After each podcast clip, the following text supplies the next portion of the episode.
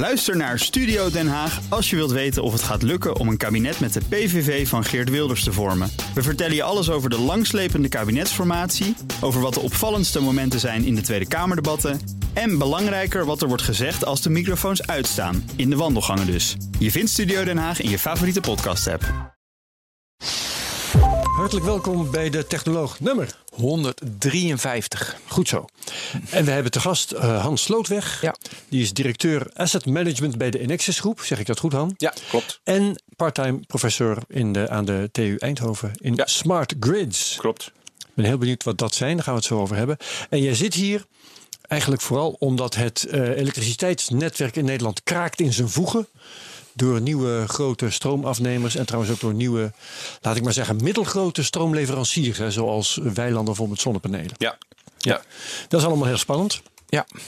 Ehm, toch toen ik jou aan de telefoon had voor een voorgesprek, toen zei je, ja, er is eigenlijk helemaal niet zoveel mis met het elektriciteitsnetwerk in Nederland. Nee, Dan moet je dan maar even uitleggen Ja, hoe dat met elkaar kan kloppen. ja. Ja. ja, ik, ik ben altijd een beetje eh, zeg maar, eh, beducht voor de, de beeldspraak. Het kraakt in zijn voegen. Want eh, wat wij als netbeheerders eh, juist proberen te voorkomen, is dat het daadwerkelijk begint te kraken. Ja. Dus wij eh, doen zeg maar het toch, bewaking aan de voorkant. Nou ja, nee, technisch gezien dus niet. Dus wij voorkomen juist, doordat wij Ah. tegen bepaalde partijen zeggen, nu niet of, of later of elders. Daarmee voorkomen wij dat het juist Anders gaat het daadwerkelijk kraken begint te kraken. Ja, ja, ja, we hebben ik. net met een betrouwbaarheid van 99,995 procent. Ik weet niet of elke technoloog die hier zit dat kan zeggen. Is over dat zijn, mathematisch juist?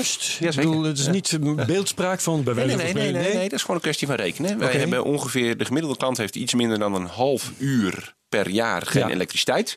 Een jaar telt 8760 uur. En als je dat halve uur dan deelt op die 8760, dan kom je 99,99 en dan een keer een 4, een 5 of een 6. Dus Ja, dat is dus, gewoon een kwestie van ehm, rekenen. Dat is geen Vijf, beeldspraak. even vertalen, vijfduizendste van een procent. Dat is eh, wat wij door het jaar heen aan stroom missen. Ja, Ja. gemiddeld. Hè? Want sommige klanten zitten wat gelukkiger in het net en andere wat ongelukkiger. Maar dit is wel het gemiddelde. Ik heb gelijk weer een vraag. Ja. Wat gebeurt er als het wel kraakt? Gewoon bij, eh, dus bij mij thuis. Eh, ja, wa- wat je, wat je, als, als wij het zouden gaan laten kraken, dan krijg je eigenlijk twee effecten. Het Mhm. eerste is dat die betrouwbaarheid, waar wij natuurlijk heel veel belang aan hechten, gaat dalen. Omdat er gewoon Dus, dingen. ik krijg geen, dus dan krijg ik thuis, dan laat mijn auto ineens niet. Nou ja, je zou gewoon storingen krijgen. Dat is het ergste wat jij je storingen. kunt voorstellen. Nee, is het dus, allerergste. dus niet alleen dat je auto niet laat, maar eh, jij komt dan gewoon in het donker te zitten. Omdat als wij het er zover zouden laten komen dat daadwerkelijk technisch, fysisch dingen gaan piepen en kraken. Dan gaat het ja, stuk. dan gaan die stuk. En eh, de klanten die achter het kapotte component zitten, zitten daarmee niet alleen met hun komt- auto in het donker, maar met alles. Maar voordat het stuk gaat, eh, eh, halen jullie de capaciteit naar beneden. Dat betekent dus, wat betekent dat dan? Nou, nee, dat, dat is zeg maar niet dynamisch. Wij, wij analyseren dat net. Dus wij kennen natuurlijk ons net. Ja. Wij bemeten de, de flows, hè, Van de minuut tot elektriciteit. minuut, ik Ja. Ja, nou, avond kwartierwaarden toe. zijn dat. Kwartier, Ja. Dus op kwartierwaarden Ja, mooie kunnen wij zien wat doen die stromen. Ja. En dat bepaalt hoeveel ruimte wij dan vervolgens nog hebben voor nieuwe ontwikkelingen. Nou, die ruimte geven wij weg. En dan Ja, zeggen wij, even. we zitten vol. Dus wij zorgen altijd dat de wijzer in het groen blijft. Die mag gewoon niet in het rood komen. Ja. Vanwege de consequenties die dat heeft. Ja, maar, Maar je zit, je zit op een ander niveau volgens mij dan waar ik- in elk geval ja, zit. waar ik ook Want, zit. want ik, ik stel me nog voor op het, op het moment, op een bepaalde dag, dat opeens de vraag te hoog zou zijn of het aanbod te laag Daar zit ik ook. Ehm, net had je het over, eh, nou ja, we zouden in het donker kunnen komen te zitten. Terwijl mijn voorstelling eigenlijk was dat dan bijvoorbeeld de spanning lager zou worden dan eh, de 240 volt. Nee, wat, wat, er zou, wat er gebeurt, nee, de spanning is vaak niet zo'n probleem. Eh. In Nederland, Nederland is redelijk dicht bevolkt. Wij hebben een vrij compact elektriciteitsnet. Spanning Mhm. heeft vaak te maken met afstand. Hè. Dus er zijn wel landen, zoals Australië, hebben ze Ah, zo. grote problemen met spanning. Sommige Amerikaanse staten ook, omdat die afstanden gewoon veel groter zijn. Maar spanning heeft eigenlijk met afstand te maken. En capaciteit heeft meer de- met stroom te maken. Dus wij kijken naar de stromen. Ook wel naar de spanningen, maar dat is vaak niet ons grootste aandachtspunt. Wij kijken naar de stromen. Ja. Nou, ehm, een component heeft een bepaalde stroombelastbaarheid. Hè? Een, een bepaalde capaciteit. Dat heeft iets te maken met de dikte van het geleidend materiaal. En iets met de temperaturen die die nog kan hebben. En die Mhm. Ja. zijn voor sommige componenten anders dan voor andere componenten. Dus wat wij doen is wij, eh, wij gaan eigenlijk van onderaf naar die belastbaarheidsgrens toe. Dus wij Mhm. hebben stromen, die meten we. Wij hebben een bepaalde belastbaarheid, een Mhm. bepaalde grens. En de kunst voor de netbeheerder is om van onderaf naar die grens toe te gaan. Je net daarmee volledig uit te nutten. Maar wel altijd de wijzer op het grensvlak van groen en rood te houden. Voorkomen dat het rood Ja, gloeiend want wat gaat gebeurt er als wij het rood ingaan? Ja, precies wat jij zegt. Dan lopen er stromen door componenten die groter zijn dan waar die component voor uitgelegd is. En dan gaat hij.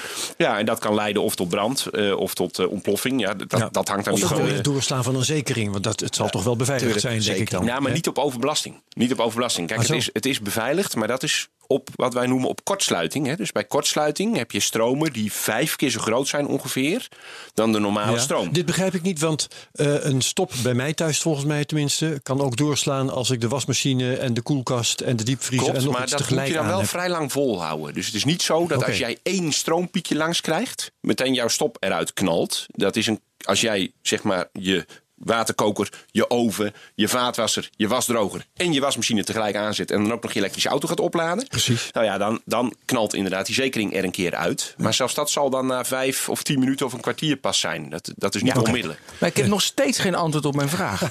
Kijk, Nee, dan keren we daar even naar terug. in de straat waar ik woon is de grootste dichtheid Tesla's van Nederland. Ja, dat is echt zo, Herbert. Dat, het slaat echt helemaal nergens op. Allemaal, allemaal innovatieve, vooruitstrevende Dat slaat buren. be- belachelijk. Oké, stel je voor om zes uur s'avonds. Ik weet, piek, piek, piek, zes uur. Ja. Iedereen, de hele straat en nog extra. Op dat moment gaan ze ook hun Tesla nog opladen. En jullie zitten dan aan de max. Het is, niet- ik woon niet in jouw gebied, maar stel je voor. eh, eh, zeg maar, en jullie zitten aan de max. Wat gebeurt er dan bij mij thuis? Wat er dan gebeurt is dat eh, eh, in principe ons idee is dat wij dat dus voorkomen. Hè? Dus dat, dat wij zorgen als wij zien dat jouw buren steeds meer Tesla's aan het kopen zijn en ook nog aan het overstappen op elektrisch koken. Dan kunnen wij dat zien. Dus dan proberen wij eigenlijk proactief en preventief. Proberen wij al dat net uit te breiden. Ja. Hoe? Nou, als jij op een gegeven moment een gigantisch feest organiseert voor alle net Tesla-rijders van Nederland en die pluggen allemaal in. nou ja, wat er dan gebeurt is dat Ja, er ergens een rookwolk uitkomt. Ergens. Het zij uit een kabel, het zij uit een transformator, het zij uit een schakelinstallatie. Daar komt gewoon letterlijk een rookwolk uit. En daarmee zit jij met al jouw feestvierende Tesla-rijders gewoon in het donker en doet de geluidsinstallatie het ook niet meer. Ja, want toen ze bij ons die kabel dus dan is het feest aanlegden... eh, waarschijnlijk voorbij. Ja, ik heb het vaak hier gezegd, maar toen ze die kabel aanlegden, toen vroeg mijn vrouw van wat gebeurt er nu als inderdaad de hele straat. die- Dus toen zei die man die die kabel aanlegde, gaat helemaal fout. Netwerk is hier helemaal niet op voorbereid. Dus dat is dus wel kraakt in zijn voegen. Ja. Dus op dat gebied kraakt het wel in zijn voegen. Ja, goed. In principe proberen wij dat gekraak dus te voorkomen. Ja? Door met jouw buren mee wel het netwerk ook te verzwaren. Hè? Als er steeds meer Tesla's en elektrische kookplaten komen. Ja, als op een gegeven moment daar een of andere gigantische piek ontstaat. Bijvoorbeeld doordat jij een borrel geeft voor heel veel Tesla-rijders. Ja, nou ja, dan leidt dat dus tot overbelasting van het netwerk. Met daadwerkelijk schade en uitval als gevolg. Ja. Komt bijna nooit voor, toch? Want jullie ja, zijn ik weet niet voor. hoeveel eh, eh, Nee, borrels jij maar- geeft voor Tesla-rijders. Maar eh, kennelijk niet zoveel dat Nee. het net eruit klapt bij jou in de straat. Zo Gelukkig gezellig maar, zijn. Tesla-rijders ook weer niet. Ja, dat jammer maar dan heb worden. ik Dat had antwoord. ik niet durven zeggen. Dus ik heb het antwoord. Jullie zijn het voor. En, eh, als an- en het kan gebeuren. Een feestje. Drie. Jullie zijn het niet voor geweest. En dan gaat het gewoon stuk. Rook. Ja. Uit Ja, zo'n dat transformatorhuisje. Weet je wel, Ja. Precies, een transformatorhuisje in Amsterdam staat er weer in de fik. Dat soort dingen. Ja, dat soort discussies krijg je dan, klopt. Ja. Oké. Ehm, ik wil graag meer weten over hoe eh, ons elektriciteitsnetwerk werkt. Want je hebt een paar termen laten vallen toen we elkaar aan de telefoon hadden. Laagspanning, middenspanning, hoogspanning. Leg eens een beetje uit hoe dat in elkaar steekt. Nou ja, wat, wat de essentie van een elektriciteitsnet is, om elektriciteitsproductie en elektriciteitsverbruik, hè, om vraag en aanbod eh, bij elkaar te brengen. Ja. Eh, dat doen wij zeg maar alleen maar eh, ruimtelijk. Dus de kwestie dat vraag en aanbod ook in de tijd moeten matchen, dat lost de markt op. Hè? Dus de markt moet met meer aanbod komen als er meer vraag is en als de prijs stijgt. En moet met minder aanbod komen als de prijs laag is. Dat is allemaal Ja, ja. Jullie zijn niet de baas over de centrales en zo. Nee, Nee, wij jullie- doen echt alleen geografisch, ruimtelijk de vraag letterlijk koppelen aan het aanbod op momentane basis. Dus op, op elk moment in de dag. Wij slaan niet onderweg ergens elektriciteit op omdat de aanbod groter is dan de vraag en leveren dat dan later weer uit. Dat doen we allemaal niet. Het is echt vraag en aanbod koppelen eh, in de geografie op elk moment. Ja. Nou ja, wat je daarvoor eigenlijk nodig hebt is dus een elektriciteitsnet. En de, en de opbouw van een elektriciteitsnet heeft een zekere gelaagdheid. Ehm, dat, dat kan technisch en economisch ook niet anders. Ja, daar komen ook die spanningsniveaus vandaan. Hè? Dus je hebt eh, hele hoge spanningen om grote volumes over grote afstanden te transporteren. Nou, dan heb je de mid-range om middelgrote volumes over middelgrote afstanden te transporteren. En de laagspanning om kleine volumes over korte afstanden te transporteren. En laagspanning, dat is dan 220 volt of 240? Ah, 230. 230 is officieel de 230, oké. normwaarde. en Ja, dan kan je ja, 10% boven of onder mag je zitten. En dan zou alles nog moeten blijven werken. Maar goed, dat noemen jullie laag. En dat is wel even goed om eh, te zeggen. Hè, want eh, anders dan ga je denken aan, aan 5 volt of iets nee, nee, nee. Voor ons is laagspanning is inderdaad 230 volt. Het is allemaal wisselspanning. Hè? Wij doen niks met gelijkspanning. 230 volt is laagspanning. eh, 3000 tot ongeveer 25.000 volt is middenspanning. En alles boven de 25.000 volt. En dat loopt dan in ons deel van de wereld op tot 400.000 volt. eh 400 kV. Dat is allemaal hoogspanning. In sommige andere landen gaan ze zelfs nog tot 750.000 volt. Of tot 1,1 miljoen volt. Maar, Waar, waarvoor is dat allemaal? eh, grotere volumes over grotere afstanden. Dus als jij eh, in. China bijvoorbeeld Hele heb je natuurlijk aan de oostkust heb jij eh, met name verbruik. Die hebben honderden kilometers in- verderop in de binnenlanden hebben ze waterkrachtcentrales. Ja, om de volumes waar het dan om gaat nog over honderden kilometers te transporteren, dat red je ook niet meer met 400.000 volt. Dan moet je echt Ja. naar nog hogere spanningen. Gaaf. Oké. Eh, ik moet even tussendoor, Herbert. Ja.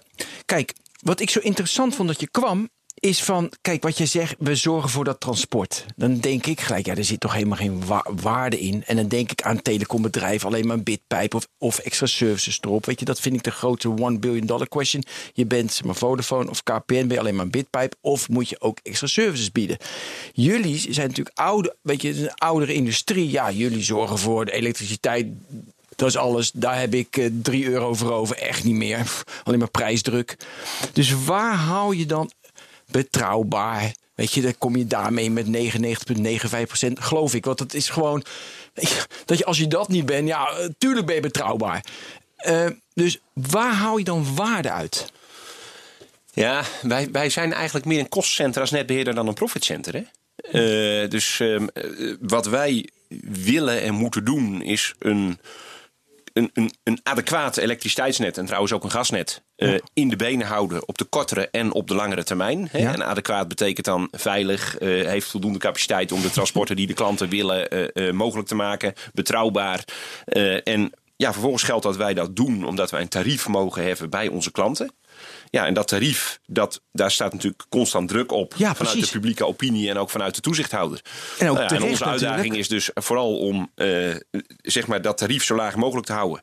Tegelijk onze aandeelhouders een eh, redelijk rendement op hun in ons geïnvesteerde vermogen uit te keren. En te zorgen voor een adequaat net. Dus ja, wij zijn niet per se op zoek naar toegevoegde waarde. Dat, dat is ook, lastig omdat wij een monopolist zijn. Wij hebben dus een in de wet vastgelegd takenpakket. Daar heffen wij ons tarief ook voor. Eh, en ja, wat is dan aanvullende waardeproposities? Hè? Dat is Ja. natuurlijk een goede vraag. Ja, en zoveel valt er ook niet te groeien. Nee. Lijkt. Nee, nee precies. Nee, maar daarom. Dus dan is het, een, dan is het een kosten. Dus dan eh, heb je KPI's dat je je kosten naar beneden brengt. Neem ik Ja, aan. klopt. Ja. En eh, is het ook wettelijk vastgelegd dat je gewoon nu moet het effectieve, efficiënte en betrouwbaar. Nou, dat werkt, eh, zeg maar, wij bepalen dus niet zelf de prijs van onze dienstverlening. Hè. Dat eh, doet de toezichthouder, de ACM. En eh, die werkt dus met een bepaald systeem waarin ze ons allemaal in een, in een klasje zetten. Alle regionale netbeheerders. Dat is een handvol in Nederland. Een paar grotere, hè, steden, die andere Nexis en een paar kleinere. Die worden met z'n allen in een klas gezet. En vervolgens vraagt de ACM allerlei financiële informatie op. En op basis daarvan bepalen zij de tarieven voor de toekomst. En wat je daarmee dus krijgt, is dat ja, de, de, de zwakkere broeders in de klas. die houden minder over hè, aan hun werk. Omdat De- ze minder efficiënt ja, het precies. netwerk En, en de hebben. broeders die bovengemiddeld sterk zijn, die houden er meer aan over. Maar als jij dus bovengemiddeld goed bent, beïnvloed je ook weer dat gemiddelde voor de volgende ronde. Hè? En dus dat heet maatstafregulering. Oh. Waarbij je dus zegt van ik vergelijk die netbeheerders horizontaal. Degene die goed is, houdt er meer aan over dan degene die wat minder goed is. Mhm. Maar de- degene die goed is, bepaalt voor een deel ook de maatstaf voor de volgende Maakt het ronde. ook hè. En- moeilijker voor de zwakke ja, broeders. ja, dus die de moeten wel aanhaken. En kun je een voorbeeld geven van een innovatie of een, eh, een beetje technologisch ding dat je had gemaakt, waardoor de kosten daalden, waardoor je meer zeg maar, rendement had? Eh, ja, wat wij bijvoorbeeld eh, eh, nu doen is eh, onze netten, wat wij noemen automatiseren. Hè? Dus, dus betere metingen op meer plekken. En met betere metingen op meer plekken kan je ook gerichter investeren of eventueel niet investeren, omdat je besluit dat dat niet nodig is. Ja. Nou, daar loopt mijn werkgever toch wel behoorlijk in voorop. En dat verschaft in elk geval tijdelijk natuurlijk een voordeel, omdat je dan eh, je investeringsbeleid eigenlijk. eh, Dus je meet vaker. Ja. En, eh, dus, en, en hoe ziet dat meten eruit? Dus, hoe, hoe ziet dat eruit? Ja, stroommetingen. Hè? Dus, Maar, ja, dus bij de, zeg maar, bij de transformatie, als het binnenkomt bij jou en bij de consument, Ja. Constant meet je dat en dan probeer je, te, dat die, eh, die- probeer die capaciteit te optimaliseren. ja, ja. Wanneer wel. Ja, ja, kijk, wat, wat wij bijvoorbeeld vroeger deden, is wij keken alleen naar de, naar de stroom. En als die stroom op een gegeven moment te hoog was, gingen we in principe investeren. Wat wij met de modernere metingen kunnen doen, is kijken hoe vaak dat nou voorkomt. En als dat een eenmalige piek is van één kwartier, ja, dan komen wij denk ik toch tot de conclusie dat we toch even willen aanzien hoe de situatie zich ontwikkelt. Ja, vroeger hadden we dan misschien een investering eigenlijk al in gang gezet, omdat we zeiden, ja, nou ja, de stroombelastbaarheid is overschreden. Eh, We weten eigenlijk niet precies hoe lang, maar dat is reden tot zorg en dus gaan we een eh, uitbreidingsinvestering. stond er ergens gewoon een rood vlaggetje omhoog en veel meer ja, precies. Nou, ja, dat heette, als je het precies wil weten, dat waren sleepwijzermetingen. dus je had de meting en je had de sleepwijzer. Ja. En de sleepwijzer werd mee omhoog gesleept Ja, door dat. de meetwijzer. Net zoals Ja, en als die op een gegeven moment in het rood belandde, dan ging je wat doen. Zo'n minimum maximum thermometer. Ja, precies. En nu kan je dus veel makkelijker. Ja, precies. Ja. En nu kan je dus veel makkelijker zien met die geavanceerdere metingen van oké, eh, is het maar een kwartier per jaar of is het een kwartier per dag? Want in het laatste geval moeten we wel onmiddellijk aan de gang. Wat ik nog fascinerend vind in deze markt. Want je zegt, regionaal ben je een monopolist. Ja. En je hebt wel collega's die zitten veilig ergens In anders in het land. En nou, ja, in die klas van, het, van de ACM, eh, hoe heet het? De ACM was het, hè? ja, ja, autoriteit consumentenmarkt. Precies. Ja. Ehm, daar eh, zitten jullie allemaal je vinger op te steken van ik, eh, ik ben goed en ik eh, heb veel rendement. Als jij die uitvindingen doet op het eh, gebied van, eh, van de kosten, je drukt de kosten, je hebt op een gegeven moment meer rendement. ehm, dan maak je het moeilijker voor de zwakke broeders. Die zien wat jij doet, want ik neem aan dat het niet echt een geheim Nee. is. En die klopt. gaan dat gewoon Ja. nadoen. Ja. En de volgende jaar heb jij nog steeds die prachtige uitvindingen, maar het levert je geen rendement Nee. meer op. Want iedereen Nee. doet het, het beïnvloedt Ja. het gemiddelde en je Ja. kostenvoordeel. is Exact. ja, ja, dus dan gaan wij weer snel voor de volgende uitvindingen. Ja. En dat doen we dan weer allemaal. En zo simuleer je natuurlijk toch een soort markt. Waarbij natuurlijk ook iedereen moet Ja. proberen voorop te is blijven ook- lopen. En zijn collega's is, is, proberen aan is te die haken. hele situatie niet een stimulans om juist zo weinig mogelijk te doen? Eh, nou ja, goed. Ik denk dat je dan eh, de beroepseer van de netbeheerders toch onderschat. hè. Kijk, je kunt met z'n allen niks gaan doen. Eh, maar, maar de vraag is, doet iedereen dan ook niks? Ja, hoe Ja, bevredigend is dat? Hoe- ja, dus Ja, Ik, eh, theoretisch heb je gelijk. Hè? We zouden allemaal niks kunnen doen. Allemaal achterover kunnen leunen. Geen enkele stap meer kunnen zetten. En dan houden wij tot in lengte van jaren houden wij, zeg maar, onze, ons tarief in stand. En daarmee ook onze, ons rendement op geïnvesteerd vermogen. Ja. ja, ik denk dat in de praktijk gewoon zo niet werkt. En is deze situatie ook bewust geschapen door de ACM om een soort eh, virtuele concurrentie te krijgen tussen monopolisten? Jazeker. Ja, ja, Ja. klopt. Ja. Maar goed, dan heb je het over 10, 10 15 jaar geleden. Hè, toen, eh, toen de netbeheerders ontstonden. Ja. eh, en dat was natuurlijk nog ruimschoots voor de, de veelbesproken splitsing. Hè, want bij de veelbesproken splitsing werden de netbeheerders zelfstandige bedrijven. Maar daarvoor bestonden ze ook al binnen de grotere eh, energiebedrijven zoals Essent en Nuon. Ja. Nou, en toen die netbeheerders eigenlijk eh, ingesteld zijn, ja, toen is eigenlijk ook die tariefregulering langs deze lijnen in gang gezet. En dat, daar waren ook internationale voorbeelden waarbij dat al eerder was gebeurd. Hè? Bijvoorbeeld Engeland. Dus de ACM eh, destijds nog de dienst toezicht en uitvoering energie, de DTE. Eh, hè, wie kent ze nog? Maar dat is de voorloper van wat nu de ACM Nee, is. ja. Ja, die heeft destijds gezegd van om die monopolistische netbeheerders op een goede manier eh, te reguleren, is dit internationaal en theoretisch wetenschappelijk een beproefd model. Dus dat spitsen wij op, toen op Nederland Mhm. en dat gaan, daar gaan wij ook mee van wal. En dus dat was de, de grotere vraag die ik vooraf had. Weet je, want internet zeggen ze dat is, eh, dat is zoals gas, water, licht. Moet het internet ook zo georganiseerd worden? Ik weet, dat denk ik heel vaak over na. En maar even aan jullie, weet je, even, jij vanuit een andere, invalshoek, Herbert. Is dit nu de, de beste manier of is de huidige manier beter? Ik, ik heb geen idee. Ja, heb jij een idee, jij- Jan? Ja, ja, ik heb wel een idee en dat heeft iets te maken met, ehm, met de kostenstructuur. Hè? Kijk, ik, ik weet niet zo heel veel van internet. Ik heb natuurlijk een iets andere achtergrond. Maar wat je ziet is dat energieinfrastructuur is behoorlijk kapitaalintensief. Dus dan krijg je de vraag: moet ik twee energienetwerken in dezelfde straat gaan leggen, waarna de klant vervolgens kan kiezen? Of moet ik dat niet doen? Ja, er is gezegd van dat gaan we dus niet doen. Ja. Dat heeft qua kapitaalslasten en ook qua ruimtelijke impact, omdat het ook allemaal best wel dikke kabels zijn, eh, is dat niet zinnig. Dus wij wijzen monopolisten aan. Wij leggen maar één elektriciteitskabel in de straat en ook maar één gasleiding. En vervolgens gaan we die monopolisten natuurlijk wel onder druk zetten om kosteneffectief te werken. Nou, dat doen we dus met het model wat wij net bespraken. Ja, als ik glasvezel zie, dat is echt technisch in elk geval van een heel andere orde dan de infrastructuur waar ik mee gewend ben te werken. Simpeler. Dan denk ik dat dat vervolgens dus financieel ook wel zijn weerslag zal hebben. Ja, je gaat- en dat het dus wel uit kan om twee glasvezels in de straat te leggen en daar mensen te laten, tussen te laten Geloof ik kiezen. niks van. Nee. Nee, denk je niet? Nee. Jij wel? Nee. Ja, ik weet het niet goed. Nee, maar daarom moet, is het dus verplicht dat nu het, eh, dus KPM moet zijn netwerk openstellen. Ja. En nu ook voor Ja, de ja, ja. Ziggo waar weer rechtszaken over Ja, zijn. oké. Ja, ja, nou ja, dan gaat het Nee, maar- dezelfde kant op. Nee, maar ik vind het fijn even jouw invalshoek. Omdat, het is, als je de vergelijking toch aan het maken bent, Ja, graag. dan moet je natuurlijk vaststellen dat er eh, tussen de glasvezel als zodanig eh, en aan de andere kant bijvoorbeeld eh, de ADSL-netwerken en binnenkort ook de 5G mobiele netwerken, Ja. is wel degelijk een vorm van Dat concurrentie. concurrentie zit, Dus ja. die dubbele glasvezelstructuur heb je helemaal niet nodig. Nee, nee, je hebt gewoon alternatieven. Ja, Ja. Ja, ja, dat is natuurlijk bij een elektriciteitsinfrastructuur eigenlijk niet zo. nee. Nee, dan kun je het niet even door de lucht gaan Nee. halen. Nee. En qua, eh, nou dat hebben we het over, maar ik dacht ook van die kosten. Want ik vind jouw kosten, ik weet je, niet een added services erop, maar dat het puur kostenbesparing de hele tijd is. En je wordt beschermd met een bepaalde prijs. Heb jij een, eh, zeggen jullie van, ik, eh, hebben jullie een, he- heb jij een target op marge? Dus je zegt van, ik moet minimaal zoveel kosten besparen, anders haal ik die marge niet. Eh, ja, En wie rekent jou daarop af? ja. Ehm, nou ja, uiteindelijk eh, is dat een gesprek met, nee, met de aandeelhouders. Hè? Kijk, de aandeelhouders Die hebben 7 miljard in Enexis zitten. En die willen op die 7 miljard natuurlijk wel graag een Dus rendement. Want aandeel- anders kunnen ze die 7 miljard natuurlijk beter eh, in aandelen stoppen of zo. Eh, ik heb het niet opgezocht, sorry. Wie zijn dat van? van- Eh, dat zijn de provincies en een deel van de gemeenten in ons voorzieningsgebied. Oh, Eh, waarbij de provincies eh, verreweg eh, de grootste aandeelhouder zijn die met z'n vijven. Hè, in ons gebied is dat Groningen, Drenthe, Overijssel, eh, Brabant, Limburg. Ja. Die hebben met z'n vijven hebben die geloof ik 75 of 80 procent van de aandelen. Ja, maar die en dat streng resterende is dan... eh, Ja. zijn niet de meest genadeloze aan. Nee. ja, die kijk, zijn heel vriendelijk. Ik, ik, ik vind ze op zich best wel. eh, nee, maar ik vind ze op zich best wel eh, betrokken en positief kritisch. Alleen, het zijn geen normale aandeelhouders in die zin dat ze alleen voor shareholder value gaan. Hè? Nee. Kijk, die, die willen echt wel een rendement op geïnvesteerd vermogen. Maar als dat op een gegeven moment ten koste gaat van werkgelegenheid. Hè? In ons voorzieningsgebied. Of als dat Ja, ten of- koste of gaat van de verduurzaming. Hè? Waar ze ook natuurlijk doelen hebben.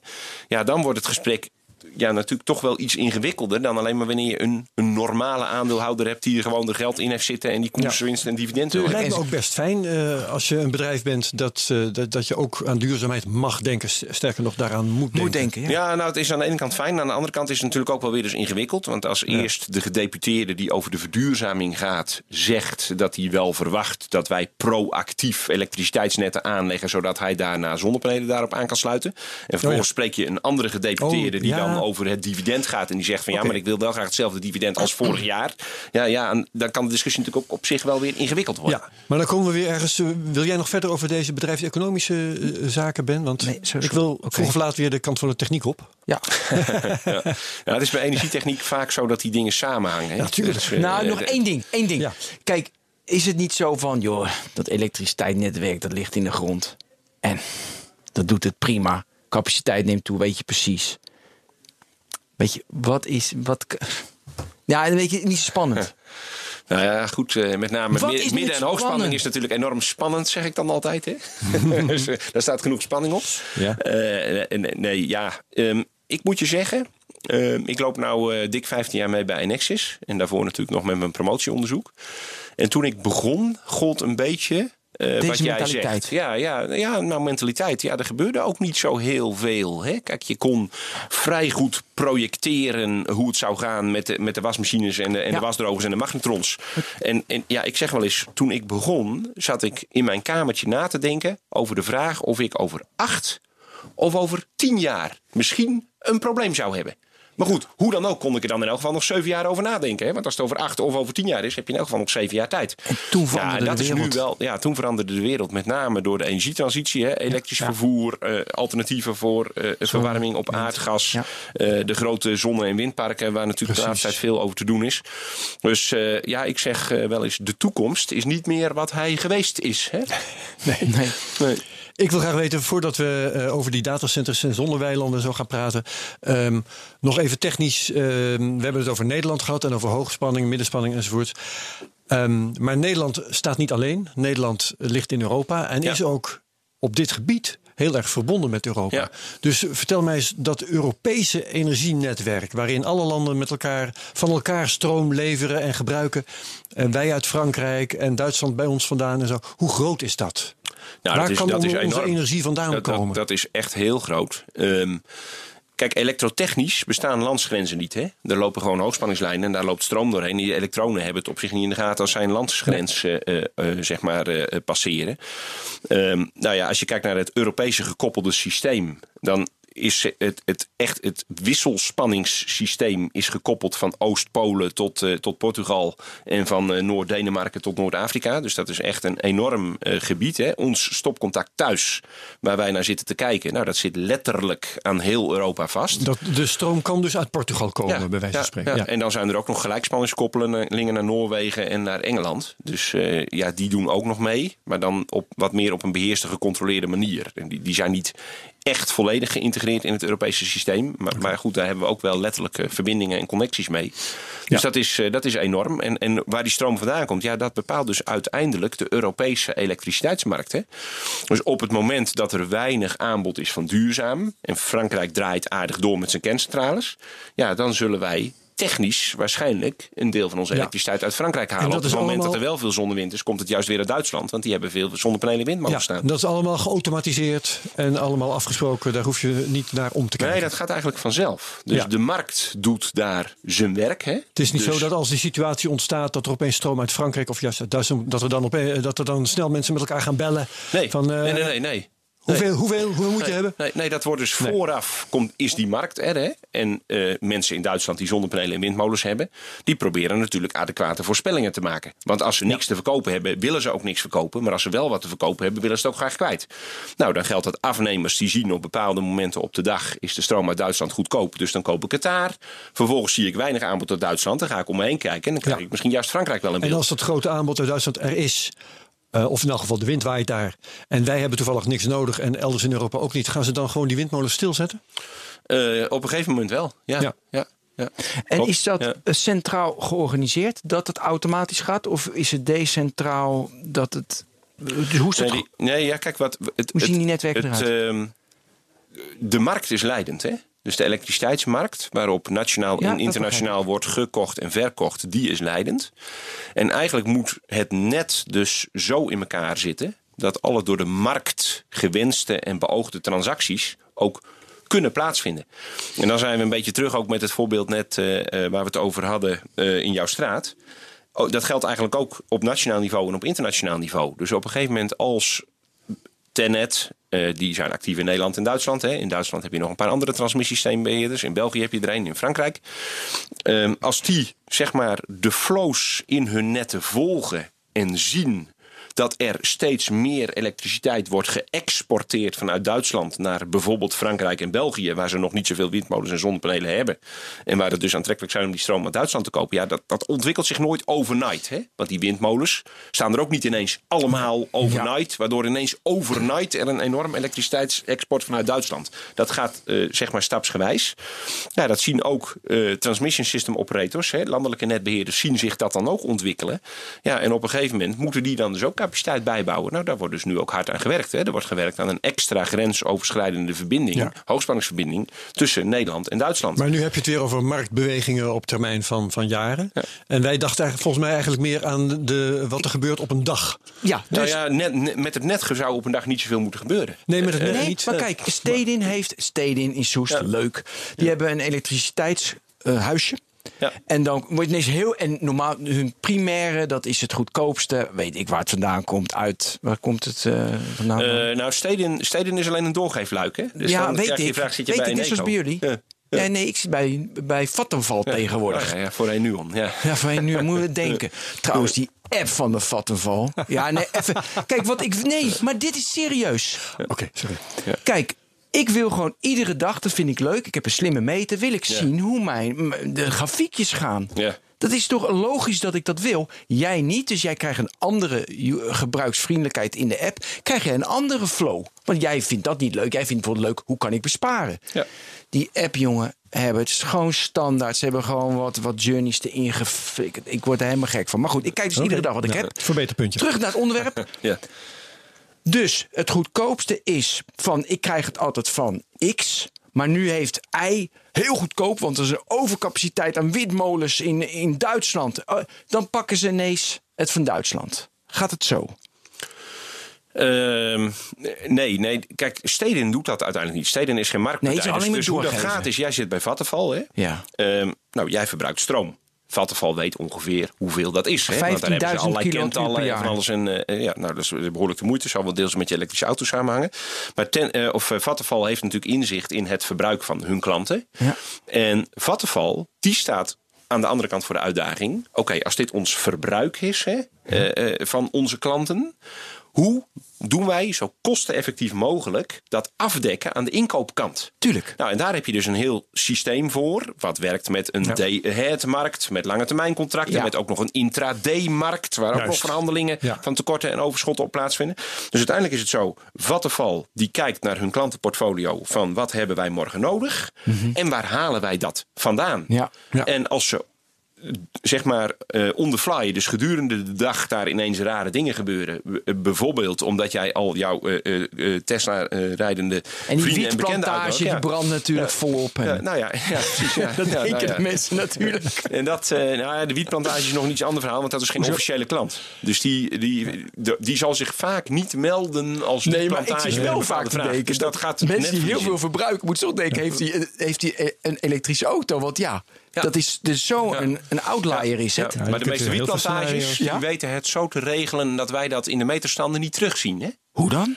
Eh, door eh, allerlei eh eh, chageraars en sjoemelaars eh, in te vliegen. Die even een kabeltje om die meter heen leggen. Wow, nooit geweten. Ja. Nou goed. Dus, dus er is een aantal Ja. eh, zeg maar gezagsgetrouwe wietplantages die dat keurig door de meter heen laat stromen en ook keurig afrekent.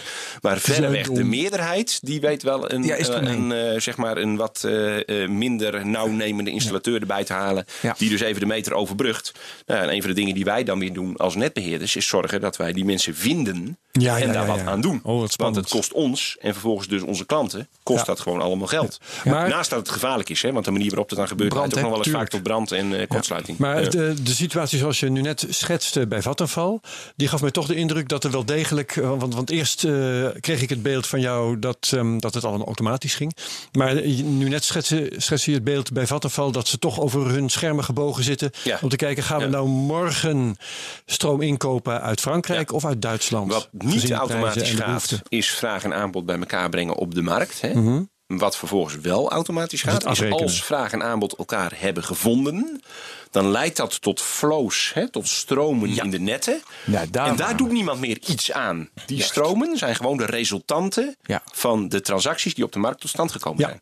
Oké, Ehm, nu wil ik wel weten wat er eh, verkeerd gaat, of misschien moet ik niet zeggen verkeerd gaat, maar hoe dat eh, het hele gebeuren met eh, datacenters en zonneweilanden, hoe dat eh, plaatsvindt, hoe dat zijn weerslag heeft op, eh, op jullie problemen. Ja. Dus sinds, sinds wanneer? Sinds pakweg, pakweg begin deze eeuw, denk ik, is er een piek in, en die nog altijd sterker wordt in het bouwen van datacenters en het bouwen van, van zonneparken. Ja, nou, eh, of, ik, ik denk dat dat zeg maar een soort exponentieel verloop is. Hè? Ja, dus dat is ook het, wat ik eh, Voor, ja. zonne, voor zonneparken is het nog maar wat korter geleden op gang gekomen. Voor datacenters zal dat iets langer zijn. Ja. Maar je ziet daar een soort exponentiële groei ontstaan. En eh, ja, dat, dat is eigenlijk wat ons opbreekt. Dus als je kijkt naar de impact net technisch van datacenters, van zonneweiders. Dat heeft een, net technisch heeft dat een impact vergelijkbaar met een middelgrote stad. Eh Nieuwegein, Ja, Zwolle. Ja. Ja. Eh, die middelgrote steden die hebben zich gedurende een eeuw opgebouwd. Hè? Dat begon in het centrum en met name na de oorlog ging dat naar de buitenwijken. En nou ja, dat konden wij allemaal wel bijhouden. Dus wij hadden ook 20, 30, 40 jaar tijd om ons net daar eigenlijk in mee te laten groeien. Nou, dat ging ook allemaal prima. Gelukkig ook maar, hè, want anders zaten al die buitenwijken ineens zonder elektriciteit. Wat gelukkig niet zo is. Alleen wat je nu ziet gebeuren, is dat eh, bijvoorbeeld door de situatie op, eh, eh, zeg maar in de internet of in, in, in de mediabranche of mediabusiness, maar ook door subsidiebeleid in combinatie met kostprijsdalingen, zie je dat de datacenters de zonneweiden hè, of zonneparken, dat die ineens op een termijn van twee tot drie jaar eh, eh, ja, enorme ontwikkelingen voorzien en wensen. Ja, en dat hou je eigenlijk redelijkerwijs niet bij met je elektriciteitsnet. En dat heeft er nog niet zoveel mee te maken dat wij als netbeheerders nou zo traag zijn. Hè? Het kan allemaal sneller. We willen ook sneller. We proberen ook sneller te gaan. Uh, daar, daar, hebben wij ook wel innovaties op ontwikkeld. Uh, modulaire bouwachtige oplossingen. Hè, waarbij je meer al in de fabriek doet. En het vervolgens eigenlijk zo het net inrijdt. En, en daar eigenlijk veel sneller mee klaar bent. En er veel minder mensen voor nodig hebt. Maar elektriciteitsnetten. En met name de hoogspanningsnetten. Die zijn op een bepaalde manier ook planologisch ingeschaald. Mm -hmm. En die planologische inschaling. Die is vergelijkbaar met windparken. Wat ook een, een behoorlijke planologische Daarmee bedoel je als, als, er, als er En daar van- hangt doorlooptijd mee samen. Als een of ander trans, transformatorstation moet worden gebouwd of zo, of eh, voor mijn part een, een rij hoogspanningspalen, dan moet je, heb je daar vergunningen voor nodig, Ja, moet je precies, ruimte precies. voor hebben, Ja. je moet afspraken Je moet maken met boeren. milieueffectrapportages maken, je moet archeologische onderzoeken doen. Oh. Nou, dat zijn allemaal, dat, zeg maar, en ik ben geen planoloog, hè, maar wat ik ervan weet is dat planologisch gezien Mhm. worden bepaalde dingen worden op een bepaalde manier ingeschaald. Dus als jij één woning wil bouwen, is dat vergunningtraject relatief licht. Zeker als je dat op, wil doen op een plek die al bestemd was voor woningbouw. Als jij een olieraffinaderij wil bouwen, dan kom je natuurlijk in een ander traject terecht dan het traject voor een, een individuele burgermanswoning. Hè? Dat zijn andere trajecten. Nou, wat ons nu opbreekt is dat de zonneweiden in een relatief licht traject zitten. Dus die kunnen met 1 tot 2 jaar kunnen die eigenlijk vergunningen rond hebben. Maar dat het traject wat aan de orde is, planologisch gezien, voor de netuitbreidingen die je nodig hebt om het datacenter en het zonnepark te kunnen aansluiten, Ja, dat dat traject veel zwaarder is. Ja, en dat gezegd, is je- ergens de- het structurele Je probleem. kunt sneller zonneparken bijbouwen dan de draden die het Ja, zonnepark op, die eigenlijk de, nodig op zijn. het netwerk aansluiten. En wat moet je dan precies bouwen? Eh, nou, wat, wat wij doen is ehm, eerst natuurlijk zoveel mogelijk het bestaande net benutten. Hè? Dus ik zei gisteren nog tegen iemand: als jij een huis hebt en jouw gezin breidt zich uit, hè, eh, en eh, nou ja, dan bouw je een dakkapel. En vervolgens bouw jij een uitbouwtje aan de woonkamer in de tuin. Ja. Nou, dan bouw je misschien nog eens een dakkapel ook aan de voorkant. Maar op een gegeven moment houdt dat op. Hè? Op een gegeven moment zeg jij tegen je partner: van jongens, we hebben nu drie, misschien vier kinderen. Wij moeten tot de conclusie komen dat wij hier eh, eh, klaar zijn met de uitbreidingsmogelijkheden. Anders, en dus eh, of de situatie moeten accepteren of echt moeten verhuizen. Ja. Nou, dat geldt eigenlijk voor nog drie Ja, maar wat is jouw dakkapel? Nou, mijn dakkapel is een extra transformator op een bepaald station. Een extra schakelinstallatie op een bepaald station. Nieuwe geleiders in bestaande hoogspanningslijnen Ja, die lichter zijn, vervolgens dikker kunnen worden gemaakt en meer stroom kunnen voeren. Dat zijn allemaal de dakkapellen en de uitbouwtjes. Ja, en die stappen zijn eigenlijk nu allemaal al gezet. Wij hebben al Oh, je hebt alle dakkapellen, heb je megawatt- Ja, wij hebben de afgelopen jaren hebben wij, met name dan in Noordoost-Nederland, hebben wij tientallen, honderden megawatts aan zonne-energie hebben wij al kunnen aansluiten. Ja. De eerste datacenters hier in Amsterdam zijn ook met dat soort maatregelen gewoon aangesloten. Ja, inmiddels hebben wij dus in, zijn we in de fase beland dat wij het echt zeg maar, een groter huis nodig hebben. Ja, dat moeten we bouwen samen met Tennet. Eh, en dat kost dus eh, nou ja, doorlooptijd, waarvan je toch snel aan een jaar of acht moet denken, waarvan twee, drie jaar bouwtijd en vijf jaar daaraf, daaraan voorafgaande praattijd. En dat betekent nieuwe transformatorhuisjes, nieuwe kabels. Ja, nieuwe hoogspanningskabels en met name nieuwe transformatoren en nieuwe schakelinstallaties. Hè. Dus dan, dan heb je het over eh, nou ja, eh, toch flinke kavels waar we tegenwoordig vaak met kabel heen gaan. Hè. Want een Ja. bovengrondse lijn bouwen is, is eigenlijk al helemaal onbegonnen werk. Gelukkig zijn de hoogspanningskabels tegenwoordig ook betrouwbaar en betaalbaar. Dus dat kan met kabel. Maar ja, dan nog, dan kom je met die kabel aan. Ja, die kabel steekt ergens een kop boven de grond. En dan heb je twee, drie transformatoren nodig. Twee grote schakelinstallaties. Een gebouw waar je de bemeet- en bestuurapparatuur voor die trafo's en die schakelinstallaties inzet. Nou, dan heb je toch over vrij serieuze eh, infrastructurele eh, projecten met een bijbehorende eh planologische regime dat tijd kost. Dus nu kan je er geen zonneweide meer bij hebben, want het huis is vol. Je kan geen kind er meer bij hebben. Nee, dus we moeten eerst inderdaad zeg maar eh, nieuwe huizen bouwen Jeetje, in de straat. man. Ja, en dat, dat kost tijd. Ik snap op zichzelf eh, dat verhaal van eh, zonneparken bouwen gaat sneller Ja. dan, dan de draden die, die eraan hangen. Ja, die ervoor Eh, nodig zijn. ja. Aan de andere kant, een beweging is soms ook wel wat langer van tevoren te zien. Hadden jullie nou niet eh, toen, hè, laten we zeggen tien jaar geleden, eh, kijkend naar de markt. En, eh, want ook toen was, eh, was Google al wel bezig met zonnepaneeltjes. En eh, die markt voor zonnepanelen die is altijd in de groei geweest. Hadden jullie niet kunnen zeggen dat zonne-energie gaat iets heel groots worden? Laten we Ja, maar vast de, ja. net daarop dimensioneren. man. Ja, ja ik, die vraag krijg ik Hebben vaker. jullie niet zitten slapen? Die vraag krijg ik vaker. En ehm, kijk, de, twee dingen. Ehm, punt 1. Als je kijkt naar het beschikbare subsidiebudget. Hè, dat is het SDE, Stimulering Duurzame Energie. Het SDE-budget. Eh, dan gold dat, dat tot een jaar of drie, vier geleden... werden hele grote bedragen uit dat budget... eigenlijk toegekend aan de bijstook van biomassa in kolencentrales. En dat gaat om forse volumes. Hè? Want kolencentrales ja, die zijn enorm. Daar kan dus ook enorm veel biomassa in. En als je dat gaat subsidiëren, moet daar ook dus vervolgens best veel subsidie naartoe. Op een gegeven moment heeft in 2015, 2016 heeft de Tweede Kamer gezegd... van wij vinden dat eigenlijk niet duurzaam. Want waar komt die biomassa eigenlijk vandaan? En wat voor borging zit erop dat dat eigenlijk ook verantwoord gebeurt... en dat daar heraanplant plaatsvindt en niet alleen maar kaalslag.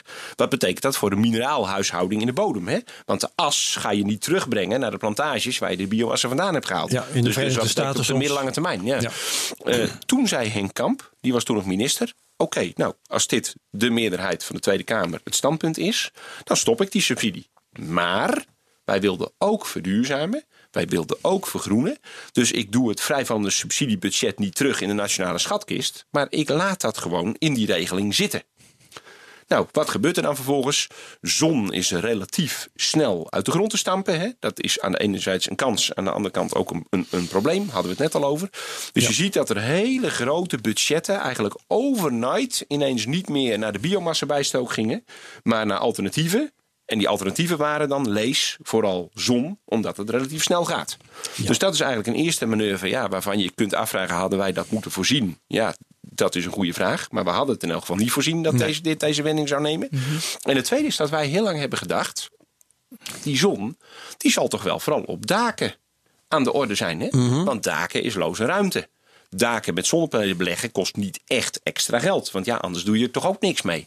De gedachte dat het eigenlijk de, op een gegeven moment de business case en de kostenstructuur zo zouden gaan uitvallen. Dat het kosteneffectiever is om grond te kopen of te pachten. Dedicated voor zonneweiders. Ja, in plaats van ja, het op ja, op daken neer te leggen die er al waren en die eigenlijk niks, ex kosten, ni- niks extra kosten. Ja, dat, dat hadden wij ook niet echt voorzien. Kan dus de twee dingen die wij hebben, niet hebben voorzien is een behoorlijke explosie van het beschikbare subsidiebudget.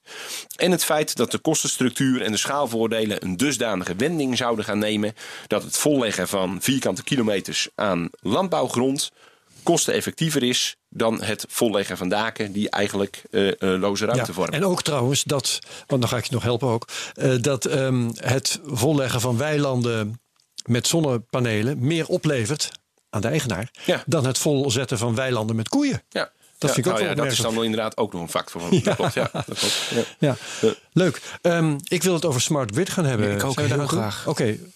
Han, wat is smart grid? Jij bent daar hoogleraar in. Ja, dus eh, Ja, wat, wat eigenlijk het smart grid, de kern van het smart grid is het intelligenter maken van met name de elektriciteitsdistributienetten. Dus hoogspanningsnetten, de transportnetten, die worden al jarenlang worden die eigenlijk intensief bemeten en bemonitord. Vroeger nog met analoge technieken, dus dan had je allerlei metingen, allerlei eh, zeg maar standmeldingen. Hè, is het contact in of uit? Dat ging allemaal met analoge elektronica. In dikke bossen draden ging dat naar een centraal punt. Daar zaten dan allerlei eh, eh, intelligente analoge elektronica. En daar ging het op een gegeven moment via telefoonverbindingen naar het bedrijfsvoeringscentrum. Nou, tegenwoordig doen wij dat dan digitaal. Maar in de hoogspanning is dat al decennia lang eigenlijk usance. Heel lang is het toepassen van dat soort concepten in de midden- en de laagspanning eigenlijk te duur geweest. Eh, je schoot er te weinig mee op. Want duur heeft natuurlijk ook iets met toegevoegde waarde te maken. Hè? Ja. De kosten waren hoger dan de waarde die je eruit kon halen. Nou, dat is eigenlijk recent pas aan het veranderen. Heb je het over een termijn van een jaar of vijf. En dan kom je eigenlijk terug ook weer bij het punt waar we het net al over hadden. Intensiever bemeten. Beter kunnen zien wat er gebeurt. Maar nu op Eh, nou huishouden, ja, dat kan nu allemaal, ja, dat kan nu dus allemaal uit. Want die technieken zijn echt spectaculair in kosten gedaald. We hebben ook de slimme meter. De primaire driver van de slimme meter, zoals die ooit gemotiveerd is, is mensen beter bewust maken van hun energieverbruik. Dat induceert besparing. En die besparing levert meer op dan de afschrijvingskosten van de slimme meter, die op zich ook niet zo duur is. Dat was de primaire motivatie. Heb ik allerlei vragen over, maar ik laat eerst even Maar goed, eh, eh, nu hebben wij dus goedkopere bemeet- en bestuurtechnologie voor de middenspanningsnetten. Ja. Voor de laagspanningsnetten de slimme meter. Daarmee kunnen wij veel beter zien wat er in die netten gebeurt. En kunnen wij ook nieuwe value proposities enablen. Hè? Bijvoorbeeld het flexibel opladen van jouw elektrische auto. Niet dat wij dat nou zozeer gaan doen als netbeheerder. Maar marktpartijen zijn daar wel in geïnteresseerd. Jedix heb ik. Zei je? Eh, eh, dat is, is een start-up Jedix. Ja, eh, En- Jetlix. Jetlix heet Ja, met ja. een klopt. Ja. En Ja. die, doen inderdaad, als er weinig spanning is, dan laat hij even Ja. niet op. Dan stopt hij gewoon. En als er zeg maar, capaciteit is, dan gaat hij opladen. Nou dat zijn dus allemaal smart geld. oplossingen. Hè? Wij, wij hebben ook eh, zeg maar experimenten gedaan, pilotprojecten. Waarbij we zeiden van eh, wij laten jou zien op een home energy management systeem in de woonkamer. Wat is mijn actuele situatie? Hè? Betrek ik stroom of lever ik stroom? Mhm. Tegen welke prijs doe ik dat? En wil ik daar wat mee als het gaat bijvoorbeeld om mijn witgoed of mijn elektrische auto? Ja. Nou, dat zijn allemaal smart grid-achtige eh, ontwikkelingen. Smart grid is een het. concept. En dat concept is het verintelligenten, het verslimmen van de elektriciteitsdistributie, de midden- en de laagspanningsnetten, om daar vervolgens goede dingen mee te doen in het netbeheer en op de elektriciteitsmarkt. Ja. Eh, ik heb zo'n slimme meter. Die zit achter Ja. een deur. Ik kijk er nooit op. Heeft geen invloed, kan ik voor mezelf in ieder geval eh, met stelligheid zeggen, op mijn verbruikspatroon. Ehm, wat voor informatie heb je eh, dat je er zo zeker van bent dat het bij andere mensen wel zo werkt? Eh, nou, ik zei dat was het oorspronkelijke motief om hem uit te Oh, wacht rollen. even. Kijk. ik weet niet of het zo werkt. Goed, maar dat was uit, eigenlijk ja. de case. Leuk, ja? Dus, dus destijds stonden wij voor de vraag: gaan wij slimme meters uitrollen in dit land? Mhm. Of doen we dat niet? Ja. dan krijg je natuurlijk de vraag of wij het wel of niet doen, hangt samen met wat het vervolgens oplevert. Nou, destijds was dus eh, als jij een enkele procenten van je energieverbruik zou kunnen besparen, Mhm. dan kan die case eigenlijk al uit, omdat die meter op zich ook niet zo duur is. Eh, daar gooi ik meteen, meteen een andere vraag overheen. Want hoe kan een elektriciteitsbedrijf of een netbeheerder eh, rendement halen uit een lager verbruik van mijn kant? Want jullie verkopen gewoon kilowatturen. Voor een netbeheerder lopen de belangen parallel. Voor een netbeheerder geldt dat als jij minder verbruikt, heb ik minder netverlies en heb ik minder uitbreidingsinvesteringen. Dus Mhm. eh, voor mij als netbeheerder lopen die belangen parallel. Voor commerciële energiebedrijven is dat inderdaad de vraag. Daar ben ik helemaal met je eens. Ja, dan krijg je dus ook een interessante discussie. Hè?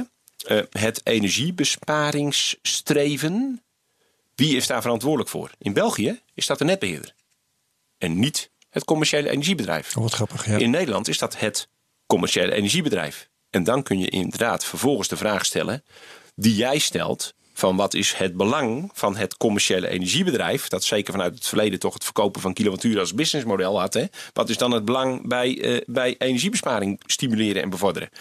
Ja, dat is een, een goede vraag. Nou, geef eens antwoord.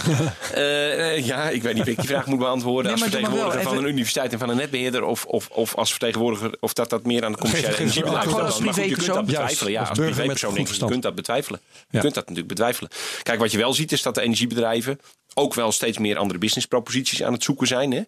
Dus niet meer het verkopen van kilowatturen, maar het, eh, zeg maar het matchen van kilowatturen. Een, een, een aantal energiebedrijven Ja. heeft voor zichzelf half en half wel de strategische conclusie getrokken dat als steeds meer mensen zonnepanelen kopen, als steeds meer boeren in de windmolens actief zijn, ja, hebben wij dan nog een toekomst als verkoper van kilowatturen. inderdaad. Nou ja, een, een aantal energiebedrijven zegt dat, dat dat mag je je wel afvragen. Zeker die energiebedrijven die niet zelf vanuit het verleden Ja. ook een aantal kolen- en gascentrales In feite eh, worden zij- hebben. Hè, waar, ze, Ja. waar ze natuurlijk toch eh, een, een vorm van financieel In feite worden zij een soort netbeheerder. ja, nou ja, een, een, een, makelaar, hè, zeg Ja. dan. Een makelaar die vraag en aanbod bij elkaar brengt.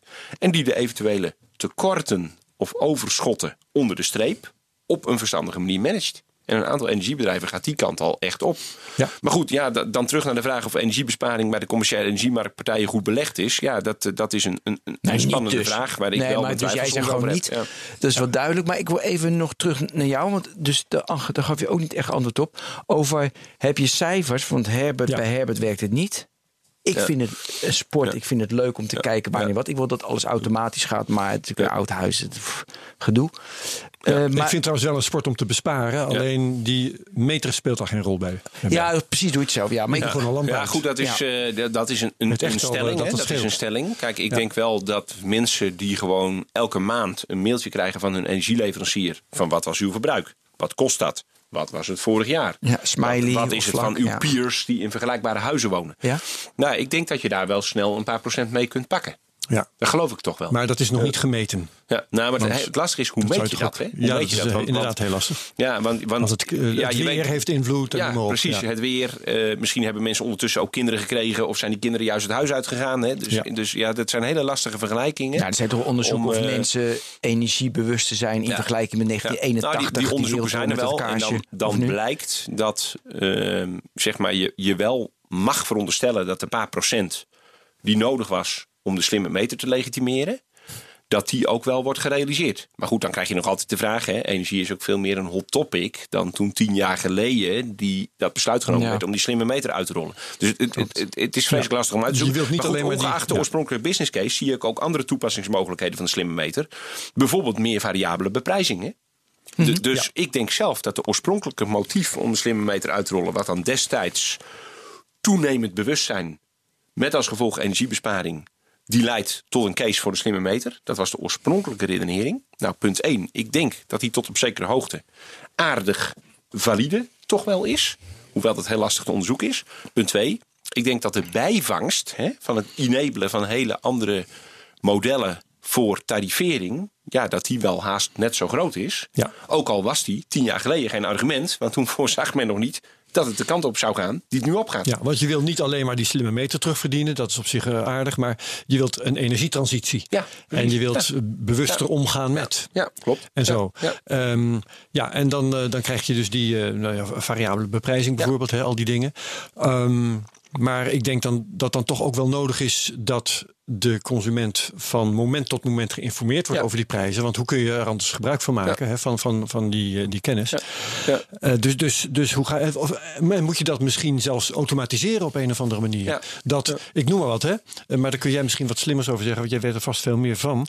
Dat als de stroom duur wordt, dat de vriezer zichzelf dan afschakelt. Ja. En dat, Vriezer lijkt me niet zo handig. Nou ja, Nou ja, die kan poosje, best een uurtje. poosje, uurtje twee uur. Daarna of hij kan juist als de komen. stroom goedkoop is, kan hij even Ja. extra hard gaan werken. Dat hij een soort buffer Ja. van kou opbouwt. Ja. en dat hij daarna weer even af kan. Ja, Maar goed, zeggen ze, wat, Ja, wat loopt er op zeg dat eens iets, gebied? Jos. Nou ja. Misschien we- Ja, Het, het antwoord op alle vragen. We Ja. hebben hier een smart man. Ja, precies. Nee, ja, nee de, de, de ontwikkelingen die jij schetst, Herbert, die zijn gewoon al gaande. Hè? Hmm. Dus ehm, je hebt eh, in toenemende mate home energy management systemen. Ja. Die home energy management systemen, die kunnen hun informatie halen van de commerciële energieleverancier, waar jij klant bent, die er een variabel tarief in kan schieten.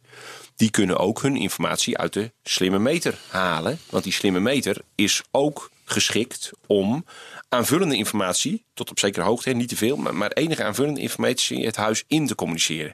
Kijk, de primaire functie is van de slimme meter is natuurlijk om informatie het huis uit te communiceren, namelijk meterstanden. Het verbruik. Ja. Ja. Maar hij biedt ook mogelijkheden om informatie het huis in te stoppen. Het is in feite een Bijvoorbeeld over het onafhankelijke internetverbinding, hè? Klopt Ja, dat? Ja, klopt. Ja, klopt, ja, klopt. Nou, ehm, een home energy management systeem kan dat combineren. Ik had bijvoorbeeld pas een, eh, een, een, een bouwbedrijf op bezoek. En die zei, eh, ja, ik ben bezig met high-end woningen voor de milieu- en energiebewuste doelgroep. Ik heb er domotica in zitten die mogelijkheden biedt om binnen het huis een stuk optimalisatie te doen. Hè. Er liggen flink wat zonnepanelen op dat huis. Eh, de meeste bewoners zullen waarschijnlijk een elektrische auto hebben.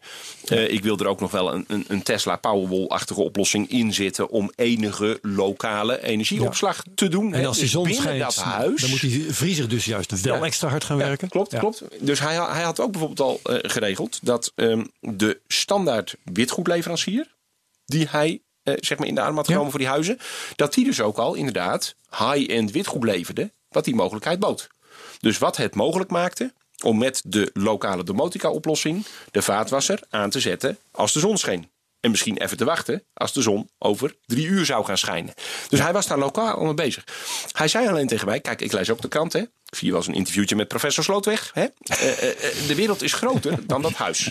Ja. Want als het waait op de Noordzee, kan dat ook een argument te zijn Ja. om dat witgoed aan te zetten. En als het niet waait op de Noordzee, dan kan dat een argument zijn om dat witgoed nu maar even Maar niet aan dat te komt zetten. via de marktprijs toch vanzelf het huis binnen? Precies, dat zei ik dus ook tegen hem. Hè? juist. Dat komt dus via de marktprijs. Dus ik zei, als jij die wereld groter wil maken, dan moet jij op zoek naar een wat vooruitstrevend commercieel energiebedrijf. Wat bereid is om een meer variabel tarief aan die mensen aan te bieden als zij daarop zitten te wachten. En dan moet je daar dus een soort package deal van maken. Hè? Dus zoals jij een soort package deal hebt met de, de preferred witgoedleverancier hè, voor die huizen, waarbij de preferred witgoedleverancier bereid en in staat is om witgoed aan te reiken, wat communiceert Ja, ja, ja. met de domotica die in het huis is voorzien, dan moet jij dus ook op zoek naar een commercieel energiebedrijf, wat ook bereid is om daarbij aan te sluiten. Ja. En dan heb ik ook nog eh, eh, ja, misschien wel wat suggesties van wat meer eh, vooruitstrevende energieleveranciers die daar misschien toe bereid zouden zijn. Dus dan moet je daar maar eens in gesprek. Ja. Nou, dat gesprek heeft hij inmiddels gevoerd. En dat lijkt dus van de grond te gaan komen dat de bewoners die geïnteresseerd zijn in de nieuwe, milieubewuste, geavanceerde, innovatieve huizen van de betreffende projectontwikkelaar. Ja. Die vervolgens ook eh, geïnteresseerd zijn in het witgoed. wat wordt geleverd door de preferred witgoedleverancier. Dat die ook wel eens geïnteresseerd zou kunnen zijn in een vijfjarig contract bij een commercieel energiebedrijf. waarmee de projectontwikkelaar dus ook heeft Ja. gepartnerd. Naast Kom maar hij brengen die shit, heeft zou ik zeggen. Ja. Precies. Twee vragen. Eén, krijg je daar uiteindelijk flat fee? Ik betaal eh, de. eh, wat is het? Eh, s- eh, 50. Nee, ik betaal nu ja, natuurlijk veel te veel. Ik betaal 500 Ja. euro. Maar Ja. eh, nee, ik 15.000 betaal 300 euro per, jaar, eh, per maand en dat is klaar. Ja, voor, voor je, Ja, gewoon juist- niet Ja. natuurlijk. Het moet variabel zijn. Nee, bij energie denk ik dat dat dus niet snel gebeurt. Nee, ja, maar ik die denk even kostenstructuur aan is er gewoon niet in. Die kostenstructuur is er niet echt naar. Ik denk aan je mobiele telefoon. Nee, Niet. nee, dus ik denk, kijk, Nee, omdat de- zij het dan willen op, hebben zij belang bij om het te optimaliseren en die kosten naar beneden te brengen. Nu hebben zij belang om mij zoveel mogelijk te verkopen. Dus ze, weet je, ze willen Ja. meer. Als het, eh, als het flat fee is, ja, dan hebben ze voor mij 300 euro per maand. Meer Dan niet. steken zij de bezuiniging in hun zak. Daarom, dus Ja. daarom is Nee, dat. maar ik denk dus dat, bij energie, hè, eh, echte visionairen, hè, zoals Jeremy Rifkin. eh, Ja, die, die, dat, ja, i- trouwens, die, die zeggen iedereen dus, video's van Rifkin kijken. Ja, is ook dat is absoluut een hartstikke de show notes. Ja, show notes zetten, ja. Maar die, eh, die zegt dus van als het duurzaam is, kun je beter meer gebruiken dan minder. Hè? Want het is Ja, het is duurzaam. onbeperkt. En dan wordt het dus ook een flat fee. Ja, dat is Ja, waar. ja, ja, nou ja, goed. Het, het zal wel een keer misschien zover komen, maar ik denk dat dat nog wel even duurt. Ja. Eh, voor la- energie, omdat dat toch eh, twee de kostenstructuur er niet naar is. Maar goed, eh, ja, het zou kunnen, maar ik denk de komende tien jaar in elk geval niet. Ja. En daarna kijken we verder. De andere vraag is heel plat. Kijk, ik heb, natuurlijk, ik heb thuis een slimme meter, maar dan moet ik mijn ijskast of mijn vriezer. Mijn vriezer, ja, ik, ik weet niet wat mijn vriezer verbruikt. Moet ik daar een apparaat, ja, heel platte vraag. Moet ik daar apparaten tussen zetten? Zodat, wat dan? Hoe kan ik nou weten wat hij verbruikt? Ja, en, ge- wacht op je volgende vriezer. Hè? Op een gegeven moment ben je toe aan een nieuwe vriezer. Op een gegeven moment ben je toe aan een nieuwe wasmachine. En je hebt dus nu al hè, het high-end witgoed. Heeft gewoon een wifi-interface. Waar apps bij horen. Ja, waarmee je al deze dingen kan zien. Nee, heb ik je kan ja, nee, ik heb drie jaar geleden een nieuwe wasmachine geko eh, eh, eh, dus gekocht. Dat kon ik met een app, was 100 euro duurder. En ik dacht, ja, nou ja, leuk. Nu, nu spijt van, weet ik ook. Dus ik heb het niet gedaan. Ja, dat had je toen dus wel Terwijl ik toch van apps hou. Dus dat is nee, maar goed, dat, dat is gierig, hè? Die 100 Kijk, euro wilde ik in de zak houden. Nee, kijk, het probleem is, eh, dat hebben wij ook met pilots gehad. Hè? Wij gingen met pilots aan de gang. Waarbij die pilots waren van hè, was vooral met de zonnestroom van je eigen dak. Toen zeiden mijn collega's in eerste instantie: hè, kijk, van ja, ja, nou dan zetten we daar een soort tussenstekker tussen. Hè?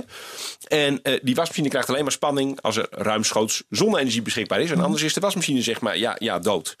Eh, eh, eh, het probleem is alleen, dat werkt dus niet. Hè? Kijk, want als jij dus die wasmachine volledig van de spanning afhaalt. op het moment dat de zonne-energie niet ruimhartig beschikbaar is. Ja. Ja. dan, dan kun je er dus ook echt, echt niks mee. En dat is dus. Een volk, een volk voor de zon. Dus je, moet, je moet naar oplossingen waarbij het, eh, eh, eh, zeg maar het primaire proces, hè, koelen, wassen, drogen, vaatwassen, waarbij dat primaire proces kan worden aangestuurd, terwijl ondertussen de spanning gewoon op het apparaat blijft staan, waardoor de user interface werkt.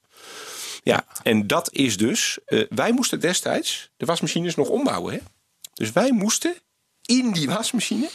Omdat de enige manier was om de wasmachine of helemaal aan of helemaal uit. Hè? Eh, eh, En het primair wasproces, daar kon je van buitenaf niet bij. Ja. Nou ja, dat is dus nu aan het veranderen. Hè? Dus je ziet nu dat de high, het high-end witgoed biedt mogelijkheden om van buitenaf het primair proces aan te sturen. Niet door de spanning aan of uit te zetten, maar door zeg maar in het apparaat dat proces aan te sturen. Waarbij de user interface te allen tijden overeind blijft. Nou ja, eh, die, die, die, die, die ontwikkelaar waar ik het net over had. Die voorzag dus vaatwassers, wasmachines, drogers en koelapparatuur. Waarbij dat dus gewoon al kon. Waarbij je dus het primaire proces kon aansturen, los van de stekker. Wat natuurlijk een hele basic manier is hè, om het primair proces aan te sturen. Ja. Want als de stekker eruit is, gebeurt het niet. En als de stekker erin zit, gebeurt het wel. Ja. Nou ja, en ik denk dus dat een auto hè, biedt dat mogelijkheden natuurlijk ook al. Hè. Elektrische auto's bieden ook al mogelijkheden om het primaire oplaadproces aan te sturen.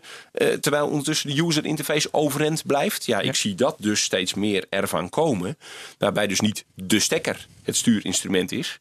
Maar het primair proces van buitenaf kan worden geaccessed Ja. via apps, wifi en weet ik wat En allemaal. het kan via net, maar het kan op. natuurlijk ook gewoon eh, via het scherm op het apparaat zelf. Ja. Dat, dat die zegt, want je moet het altijd kunnen Ja. overrulen. Maar je kunt zeggen, die, Ja. die zegt tegen jou, eh, wil je dat ik nu begin? Ja. Of eh, moet je horen, volgens mij is het vannacht goedkoper. En anders wel over drie uur, want dan zou de zon wel eens Ja, kunnen zo hadden wij die pilots inderdaad ingericht. Hè, dat mensen konden zeggen van ik ga voor maximaal gebruik van eigen groene stroom. Of Ja. ik ga voor minimale kosten. Dus die user setting kon je vooraf instellen. En die kon je ook voortdurend veranderen als je dat wilde. Nou, dan zei jij ik wil graag wassen. Dan keek de wasmachine keek zelf met het Home Energy Management systeem van oké, jouw goal is minimale kosten. Jouw goal is maximaal gebruik van eigen groene energie. Nou ja, jij wil nu wassen. Hè? Eh, ik, eh, die was gebruikt ongeveer zoveel kilowattuur. Dus ik ga hem in de tijd ga ik hem zeg maar plannen. En dan kreeg jij een voorstel. Hè? Dus dan kreeg jij een voorstel van oké, als jij wil wassen. Ja, als jij wil wassen met maximaal recht doen aan de door jou opgegeven preferentie. Hè? Het zij het goedkoop, het zij groen. Als jij wil wassen met maximale recht doen aan die preferentie. Dan betekent dat dat de was van half twee tot half vier draait. U het daarmee eens of niet? Ja, dan kon jij dus invullen ja of nee. Ja, we hebben wel met z'n allen afgesproken dat technologie het leven makkelijker maakt. Hè? Dus ze hebben frictielozer. Dit, dit lijkt mij meer, iets meer frictie. Ja, ik weet niet. Als ik mijn was en ingooi. Als het Home Energy Management systeem en de wasmachine weten wat mijn voorkeur is. En Ja. ik druk op geef op wat de tijd zou zijn met mijn voorkeur. Nou ja, dan zeg je Ja, tussen oké. half twee en half vier. En dan kun je alleen Ja. ja, zeggen. Of je zegt nee, ik wil het op een ander moment. Verder aan de interface designers om dat zo simpel mogelijk te tuurlijk. maken. Dat kan, En dat kan niet heel al te veel. Ja. Ja. Ehm, hoe snel gaat dit allemaal? Ja, nee, maar ik hoor dit verhaal namelijk al. Ja, Tweede helft van dit decennium. Voor auto's nu al, hè? Voor auto's kun je nu al opgeven Wacht wat je wil. Nee, dit maar ik hoor dit- is bijna voorbij. Nou ja, zeg maar, Het 20, komende decennium. voor. Ja, precies. Jij, jij leeft al in de toekomst, begrijp ik. Ja. Omdat ik het al tien jaar hoor. Dus daarom. Ik het tip van ja, ik eh, weet niet. smart home. van en- mij, ja, ja, ja. nu wel Kijk, snel het zijn dichterbij, ook- hoor. Ja, en het zijn ook ontwikkelingen die niet zo snel gaan. Hè? Ik bedoel, Nee, jij die zei net al, ik heb net nee, drie jaar de geleden wasmachine gekocht waar die app niet op zat. Ja, ja, ja, daar zit je dus nou dan toch Spijt, ergens nog wel weer een jaar of tien aan vast. Dus eh, Ja, ja, en auto's kopen mensen ook niet elke dag. Ja. Hè? Dus, dus het, het, het zijn natuurlijk in de energietechniek zijn het relatief langzame ontwikkelingen. Hè, Het is geen IT. Ja, aan de andere kant gaat het soms ergens sneller dan ik het ergens nog had verwacht. Hè, Ja, waar? alweer. Ja, nou ja, goed. Hè? Dat, dat, dat zeg maar het, het high-end witgoed nu eigenlijk al de apps ja. binnen aan het rijden is. Hè? Dat de elektrische auto's eigenlijk ergens toch nog wel sneller Ja. gaan dan ik ze misschien of vijf geleden had verwacht.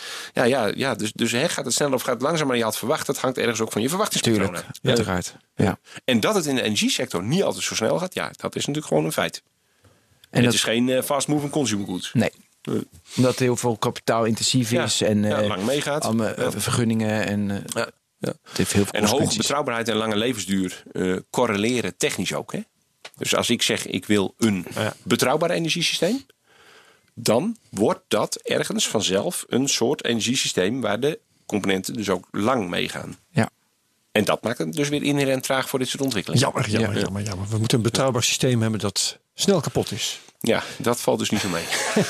nee, fysisch niet. Nee. Ben, de tijd is er wel zo'n beetje... ja, ik zit er nog even te kijken of ik iets urgents Als je nog iets nee. belangrijks wilt vragen. Ik ben weer maar te voeren betrouwbaar. Oké, Ik heb er nog één. ja. De saldering. De- we zitten eigenlijk al te praten alsof die voorbij is. Niet waar? Nou ja, die duurt in elk geval nog tot 2023. Hè? Die duurt tot Ja. twee... Ja, precies. En Want we willen onze zonnepanelen terugverdienen. Ja. En dat gaat... eh, maar eh, die, kan niet, die kan niet blijven bestaan volgens jou? Ik denk het niet. Nee, nee, nee. Kijk, weet je wat grappig is? Hè? Eh, salderen, dat kun je eigenlijk op twee manieren doen. Hè? Kijk, wij doen het nu in de tijd. Hè? Dus jij hebt overdag eigenlijk elektriciteit over. Want dan schijnt de zon en jij bent nu niet thuis, Ja. want je zit immers hier. Hè? Dat lever Eh, ik en- terug. En, s'avonds heb je dan tekort. Ja. Dus dat is eigenlijk salderen in de tijd. Daarvan denk ik, dat kan zo niet doorgaan. Dat gaat een keer aan zijn eigen succes ten onder. Je hebt ook nog salderen over afstand. Hè? Dus, dus als ik zeg van ja, ik heb niet echt een eigen dak. Hè? Maar ik koop een share in een groot zonnepark. En als die stroom er is, wil ik dat weten. Hè? Wil ik hem hier thuis gebruiken? En als die stroom niet is, wil ik het misschien ook, niet, ook weten. Hè? Want dan moet ik hem ergens anders kopen. Ja, het gekke is dat salderen. Hè? Dus salderen over afstand. Daar geloof ik dus wel in. Hè? Want bij salderen over afstand, dat loopt in lijn met het belang van het systeem. Hè? Want als er veel zonne-energie is van het Zolleweiland, waar wij met z'n drieën in hebben geïnvesteerd. Nou ja, dan is het voor het systeem op zich hartstikke goed. Als wij natuurlijk, als die zonne-energie ruimhartig voorhanden is, wij die ook gebruiken hè, bij Ja. ons thuis om de elektrische auto op te laden, om de wasmachine te laten draaien. Dus dat salderen, dat, daarvan lopen de belangen parallel met het systeem. Het salderen in de tijd, hè, dus ik eh, eh, heb nu over, ik pomp dat het net in, s'avonds haal ik het weer vandaan. Dat, dat salderen loopt minder in, eh, in lijn met het belang van het systeem. Dus wij hebben nu het salderen dat eigenlijk ergens niet zo productief is. Dat is mogelijk. En salderen dat wel productief zou zijn, is niet mogelijk. Ja, ik snap ook niet precies hoe dat gaat werken dan. Eh, Ja, nou ja, ik denk dus dat dat andersom moet. Ik denk dat het salderen in de tijd, dat gaat niet meer lukken. Hè? Dus, de- de- dus als wij stroom over hebben, moeten we die of gewoon in onze auto drukken of in onze Powerball. Eh, het salderen van ik heb een share in een groot zonneveld ergens. En als er ruimschoots elektriciteit voorhanden is in dat zonneveld, is het voor mij gunstig om dat nu ook thuis te gebruiken.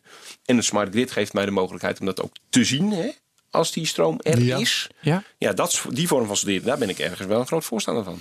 Ja, maar dan moet je. Dat, dat Maar daarvoor moet de wet en regelgeving worden aangepast. Ja. Want nu is het zo dat als jij een share hebt in een zonnepark ergens verderop, dat jij op het moment dat die stroom het net opgaat, jij die stroom ook moet verkopen aan een commercieel energiebedrijf. Ja. En dat jij vervolgens, als jij zelf 25 fi- kilometer verderop pand, jij die stroom dus vervolgens bij datzelfde energiebedrijf hè, dan weer mag gaan terugkopen. Ja, dat is ook zo niet zo met een volkstuin. Hè? Als ik een volkstuin heb, staat daar ook niet bij het hek de groenteboer. Waarbij ik verplicht kropsla mag inleveren. Dat is een mooie vergelijking. En vervolgens mag ik, als ik die kropsla op wil eten, ik, ik, die, die, die weer bij die groenteboer mag gaan kopen. Ja, dat is dus met salderen nu wel zo. En dat zou anders kunnen, denk ik. Ja, die gaan we erin houden, de groenteboer. De een groenteboer. beetje moeilijk, eh, Ben. Ja, nou ja, ik dacht groenteboer. Maar is goed. Ja, nee, maar ja, dat is, dat is nu wel de situatie. De elektriciteitsboer. Ja. Die we zelf ook aan het worden zijn. Ja, We gaan het erbij laten. dankjewel. Dankjewel Hans Slootweg. Heb je genoten, Hans? Smart Grid. Eh? Han, heb, je, eh, heb je genoten? Ja, leuk. Ja, mooi hè? Ja, Praat graag Ik over vond dit een heel leuk en leerzaam gesprek. Ja, dankjewel. Hans Slootweg, directeur Asset Management bij de Nexus Groep. En parttime hoogleraar Smart Grids aan de TU Eindhoven. Dankjewel. Dankjewel Ben. Ja, Herbert ook bedankt hè. Tot de Tot de volgende. volgende keer iedereen. Dank luisteraars. Hoi, hoi. Tot de volgende week. Dag.